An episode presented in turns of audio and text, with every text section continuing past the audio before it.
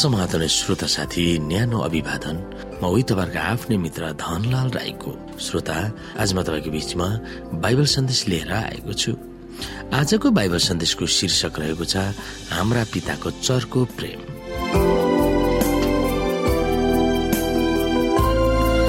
श्रोता यदि प्रभुले मलाई साँच्चीकै माया गर्नुहुन्छ भने उहाँले मेरो निम्ति यो यो गर्नुहुनेछ भन्ने सोचहरू हाम्रो दिमागमा कति पटक घुसेको होला। हामीले हाम्रा परिस्थितिहरूलाई हेर्छौँ र भन्छौँ प्रभुले के हामीलाई माया गर्नुहुन्छ र यदि गर्नुहुन्छ भने यस्तो परिस्थिति किन आयो? हामी प्रति प्रभुको हित र भलाइलाई शङ्का गर्ने दुई कारणहरू छन्। पहिलो त हाम्रै हृदय र दिमागमा जल्दो बल्दो चाहना यो छ कि हामीले सोचेको अनुसार असल काम गर्न चाहन्छौँ र सज्जन हुन चाहन्छौँ।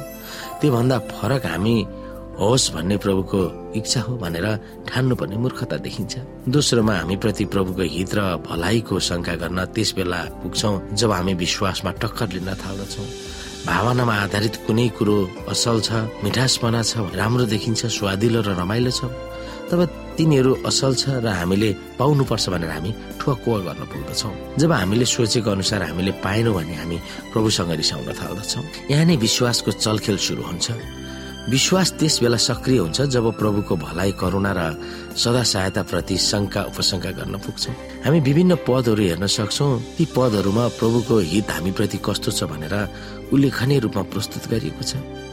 जब हामी प्रति प्रभुको प्रेमको शङ्का गर्न थाल्छौँ तब त्यस बेला यहाँ के पदहरू तपाईँलाई याद दिलाउन सक्छ जसले गर्दा प्रभुको विरोध गर्न सुरक्षा दिँदछ। हामी यहाँ हेर्न सक्छौ रोमी आठ अध्यायको अठाइसदेखि हामी जान्दछौ उहाँलाई प्रेम गर्नेहरू र उहाँका अभिप्राय अनुसार बोलाइएकाहरूका निम्ति हरेक कुरामा परमेश्वरलाई भलाइ नै गर्नुहुन्छ। ज जसलाई उहाँले पहिलेबाट नै चुन्नु भएको छ उहाँले तिनीहरूलाई आफ्ना पुत्रको रूप समान बनाउनलाई धेरै भाइहरू मध्ये उहाँ चाहिँ ज्येष्ठ हुन् भनेर अघिबाटै नियुक्त गर्नुभयो। ज जसलाई उहाँले अघिबाटै नियुक्त गर्नुभयो तिनीहरूलाई उहाँले बोलाउनु पनि भएर ज जसलाई उहाँले बोलाउनु भयो तिनीहरूलाई उहाँले धर्मी पनि ठहराउनु भयो र ज जसलाई धर्मी ठहराउनु भयो तिनीहरूलाई उहाँले महिमित पनि पार्नुभयो हामीले यसमा के भन्ने त? यदि परमेश्वर हामीतर्फ हुनुहुन्छ भने हाम्रो विरुद्ध को हुन्छ? जसले आफ्नै निजी पुत्रलाई बाँकी राख्नु भएन तर हामी सबैका निम्ति उहाँलाई दिनुभयो। कि उहाँले हामीलाई सबै थोक पनि उहाँकै साथमा दिनुहुने छैन र? परमेश्वरका चुनिएकाहरूका विरुद्धमा कसले अभियोग लगाउनेछ? धर्मी ठहराउने परमेश्वर नै हुनुहुन्छ भने दण्डको आज्ञा दिने को हो? मर्ने त ख्रिस यसो हुनुहुन्छ। जो मरेकाहरूबाट जीवित पारिनु भयो र परमेश्वरको दाहिने बाहुलीतर्फ हुनुहुन्छ र हाम्रा निम्ति मध्यस्थ पनि गर्नुहुन्छ। कसले हामीलाई ख्रिसको प्रेमबाट अलग गर्ने? कि सङ्कटले अथवा दुःखले वा खेदोले वा अनिकालले वा नग्नताले अथवा खतराले वा तरबारले यस्तो लेखिएको छ तपाईँको खातिर हामी दिनभरि मारिन्छौ काटिने भेडार जस्तै हामीहरू गनिएका छौँ। होइन यी सबै कुरामा हामीलाई प्रेम गर्नु हुनेद्वारा हामी विजेताहरू भन्दा पनि अझ बढी छौँ। किनकि म यो पक्का गरी जान्दछु कि मृत्युले वा जीवनले स्वर्गदूतहरूले वा प्रधानताहरूले वर्तमानका कुराहरूले वा पछि हुने कुराहरूले वा शक्तिहरूले उचाइले वा गहिराईले वा सारा सृष्टिमा भएका सबै कुनै पनि कुराले ख्रिस्टेसु हाम्रा प्रोमा भएका परमेश्वरको प्रेमबाट हामीलाई अलग गर्न सक्दैन। श्रोता साथी प्रतिकूल परिस्थितिले हामीलाई नलियोस् भन्ने तर्कलाई मनमा राखी छोड्न रुमी आठ अध्यायको बत्तीसमा एउटा महत्वपूर्ण नीति हाम्रो सामु दर्शाइएको छ। हामी ठिक ठाउँमा आयौँ भनेर प्रभुले हाम्रो निम्ति सबै थोक हाम्रै हितको बाटोमा राख्नु भएको छ।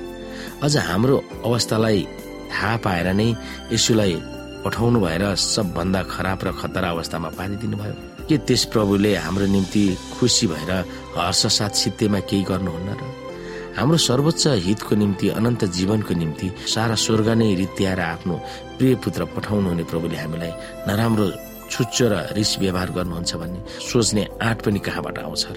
यसको अर्थ हामी प्रति परमेश्वरको उदारताको सत्य सन्देश यसुको मृत्युमा हामी प्रत्यक्ष हेर्न सक्दछौँ। हामीमा आउने भनेको अग्निबाणहरू र हामीभित्र जाग्ने प्रभुप्रति कुनै पनि शङ्का र विरोधाभासका सोचहरूलाई मात गरिराख्न यसुको मृत्युको सन्देशमा हामी भिजिरहनु पर्दछ भन्ने कुरामा हामी ठोकुवा हुनै पर्दछ तपाईँको शङ्का र विरोधाभासमा प्रभुको भलाइको सत्यताले नियन्त्रण गर्नुपर्छ अनि मात्र तिनीहरूको सामना गर्न हामीमा सबल हुन्छ। तपाईँको ठाउँमा यसु मर्नुभयो भन्ने दिव्य ज्ञानलाई केही समय हामी सोच्न सक्छौँ।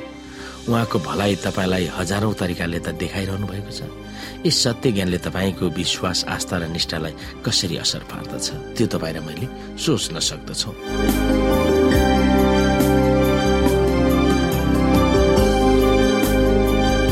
श्रोता साथी आजको लागि बाइबल सन्देश यति नै। हस्त नमस्ते। जय मसिंह।